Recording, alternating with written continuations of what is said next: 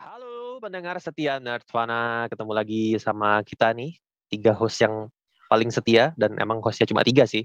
Jadi kita selalu setia ada di podcast kita pada hari ini yang bertemakan mengenai bahasa ibu.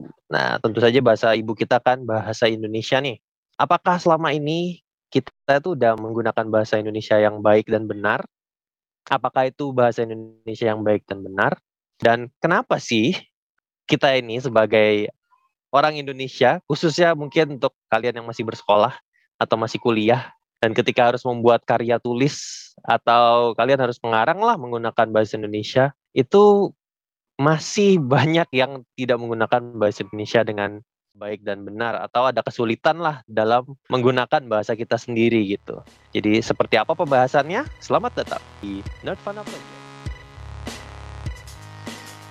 sebelum kita membahas lebih jauh nih, mungkin kalian bertanya-tanya kenapa sih kita membahas bahasa ibu. Jadi eh, ini ada kaitannya dengan sesuatu yang kita peringati pada tanggal 21 Februari ini.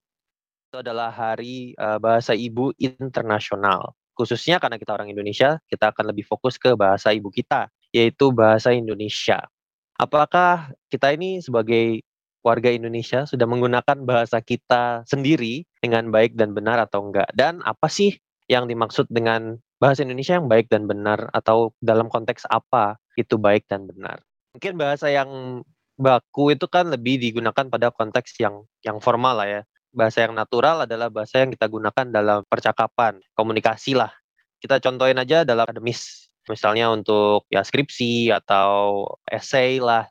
Mau tidak mau kan kita harus menggunakan bahasa Indonesia yang baik dan benar. Pertanyaan saya adalah, kenapa kok justru pada saat kita harus menggunakan bahasa Indonesia yang baik dan benar. Malah banyak orang yang susah gitu mereka mau menuliskan sesuatu dalam bahasa Indonesia yang formal atau baku. Orang Indonesia yang harusnya bahasa ibunya itu bahasa Indonesia ya, walaupun kita tahu juga beberapa mungkin ada yang menggunakan bahasa ibu dari bahasa daerahnya masing-masing. Jadi bahasa Indonesia itu seperti hmm. nomor dua. Tapi hmm. kebanyakan hmm. orang Indonesia kan pasti menggunakan bahasa Indonesia sebagai bahasa ibu mereka kan. Hmm. Terus kenapa ketika kita harus menulis essay atau skripsi, kenapa malah berantakan?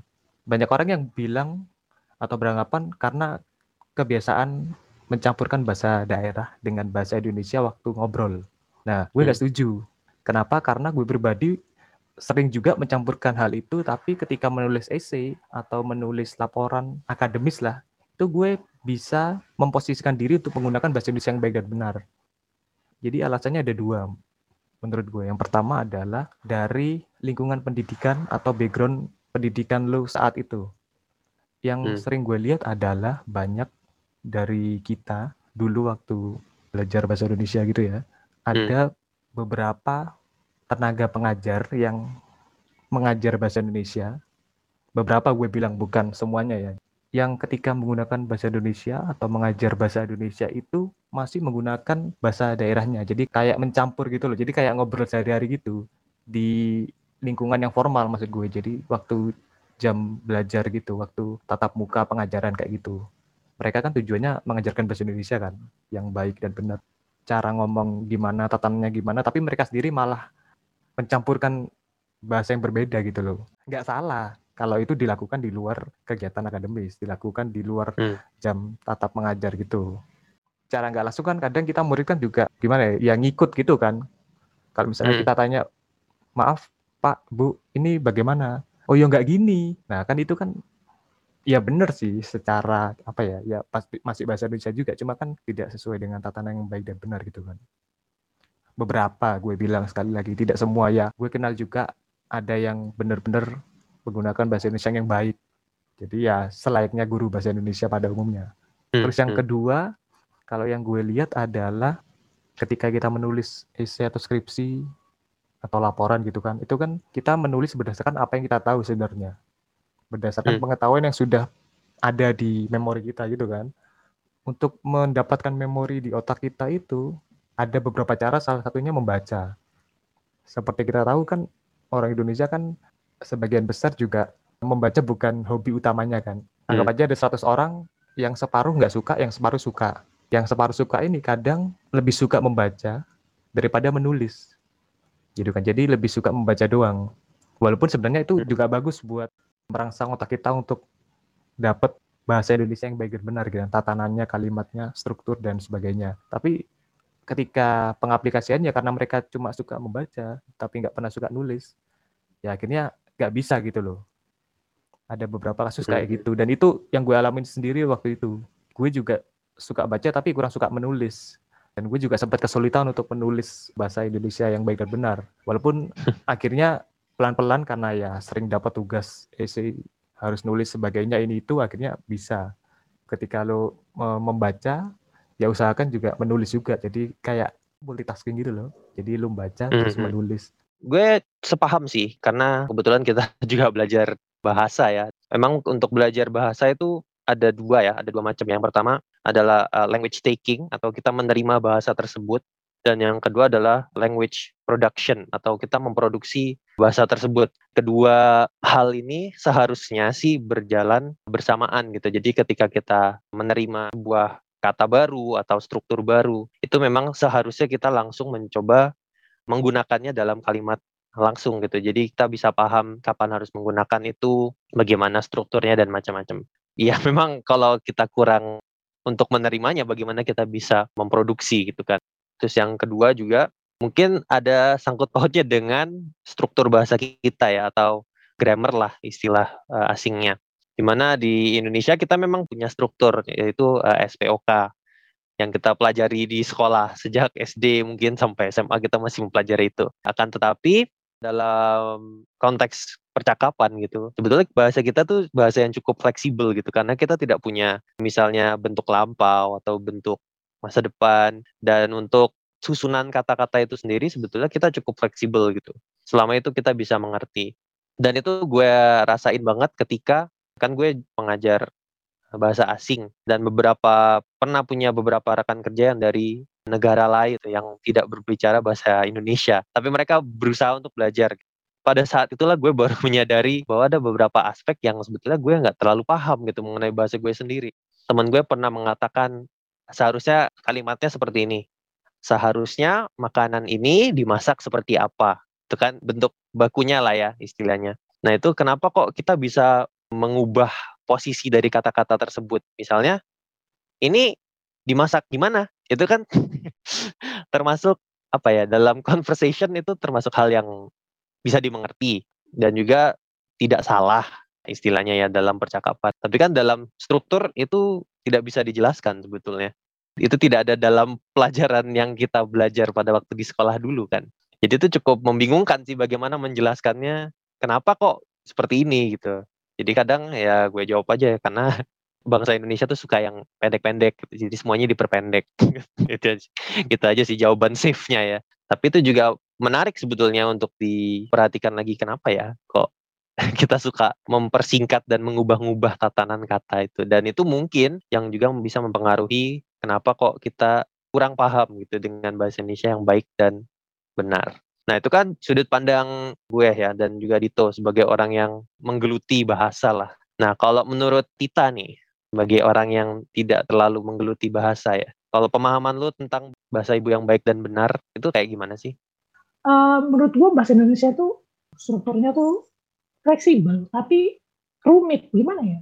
Biasanya lu nggak expect kalau ternyata bahasa lu tuh ya fleksibel tapi rumit karena kan pasti kayak gini nih. Tapi ternyata enggak gitu. Paham gak sih? Nah kayak gini. Hmm. gue bilang gini tuh kalian paham dan paham kan?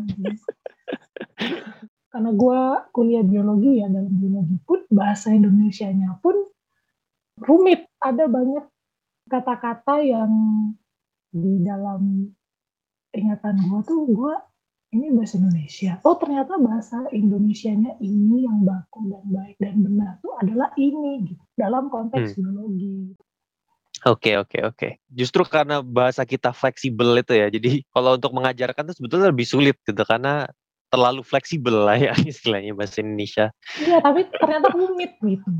Ini lebih ke pengalaman kalian masing-masing sih. Untuk Dito dulu deh, Dit.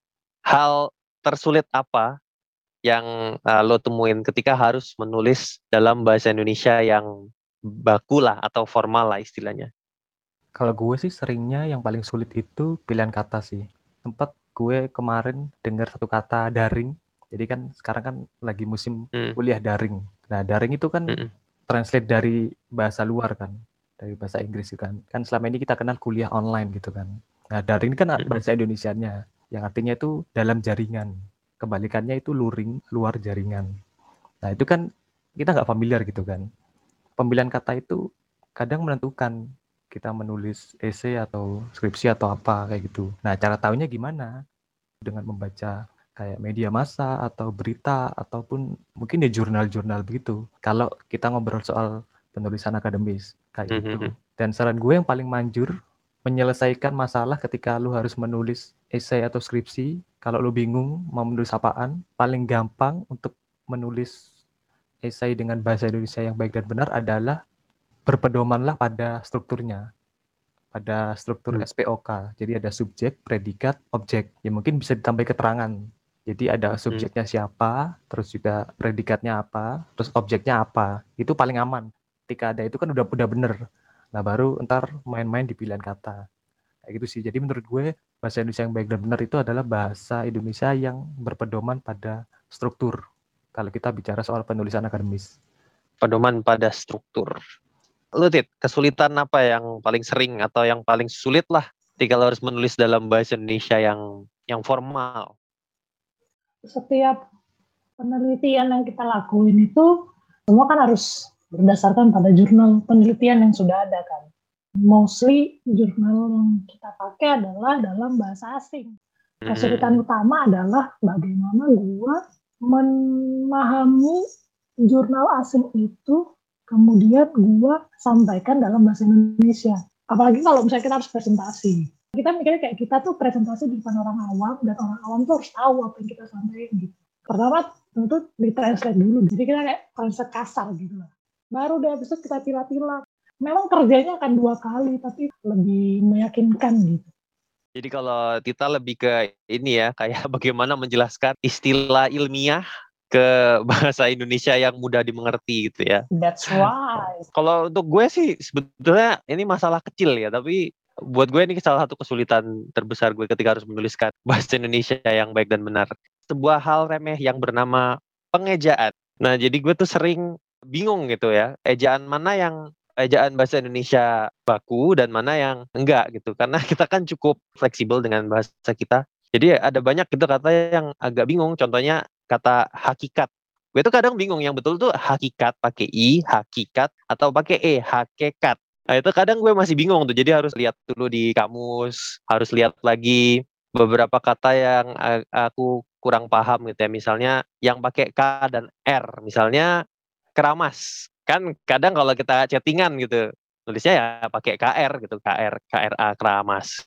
Yang sebetulnya yang betul kan keramas, pakai E. Jadi eh, itu sih yang spelling yang betul yang mana sih? Karena kita terlalu sering menggunakan campur-campur lah ya. Kadang kita menggunakan yang baku dan enggak. Jadi bingung gitu mana yang betul. Gue harus ngecek dulu istilahnya gitu. Jadi kesulitannya lebih ke situ sih untuk gue. Jadi kita punya kesulitan kita masing-masing gitu ya. Jadi menurut gue yang gue dapat dari diskusi dengan kedua manusia Indonesia ini, emangnya gue bukan. Satu, bahasa Indonesia yang baik dan benar itu balik lagi tergantung situasinya ya dan konteksnya. Bahasa Indonesia yang baik dan benar dalam percakapan adalah bahasa Indonesia yang natural gitu ya. Jadi sesuatu yang ketika kita dengar itu dalam percakapan adalah sesuatu yang wajar, yang normal. Sementara bahasa Indonesia yang baik dan benar dalam segi akademis misalnya atau dalam hal yang formal itu adalah seperti yang Dito bilang tadi sesuatu yang mengacu pada struktur bahasa Indonesia itu sendiri yaitu SPOK ya. Bagaimana caranya kita bisa menyelaraskan kedua hal tersebut?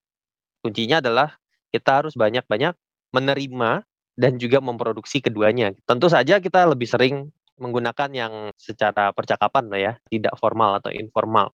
Mungkin itu yang menyebabkan kita jadi bingung karena kita jarang menggunakan yang formal. Jadi ketika kita harus menggunakan yang formal, kita jadinya bingung karena minim paparan ya untuk bahasa Indonesia yang formal tersebut. Jadi untuk komunikasi kita tahu caranya, tapi ketika kita harus membuat yang formal juga, kita juga bisa. Oke, semoga podcast ini bisa mencerahkan kita semua. Mungkin ada beberapa yang mendapat ilham gitu ya setelah mendengarkan kita. Oh iya ya, selama ini uh, bahasa Indonesia gue mungkin kurang bagus atau ya tidak menggunakan dengan benar.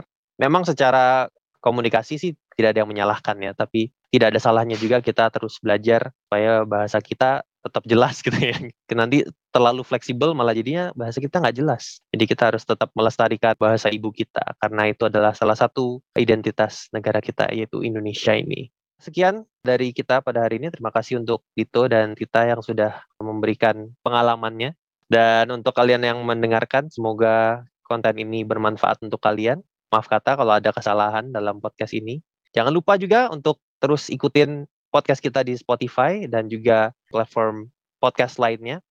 Follow Instagram kita tentunya di @nerdvana.project. Di sana kita punya konten-konten seru selain teaser untuk podcast ini apa aja itu ya silahkan dikepoin aja. Oke, akhir kata saya uh, Max mengucapkan selamat beristirahat dan sampai jumpa di podcast kita berikutnya.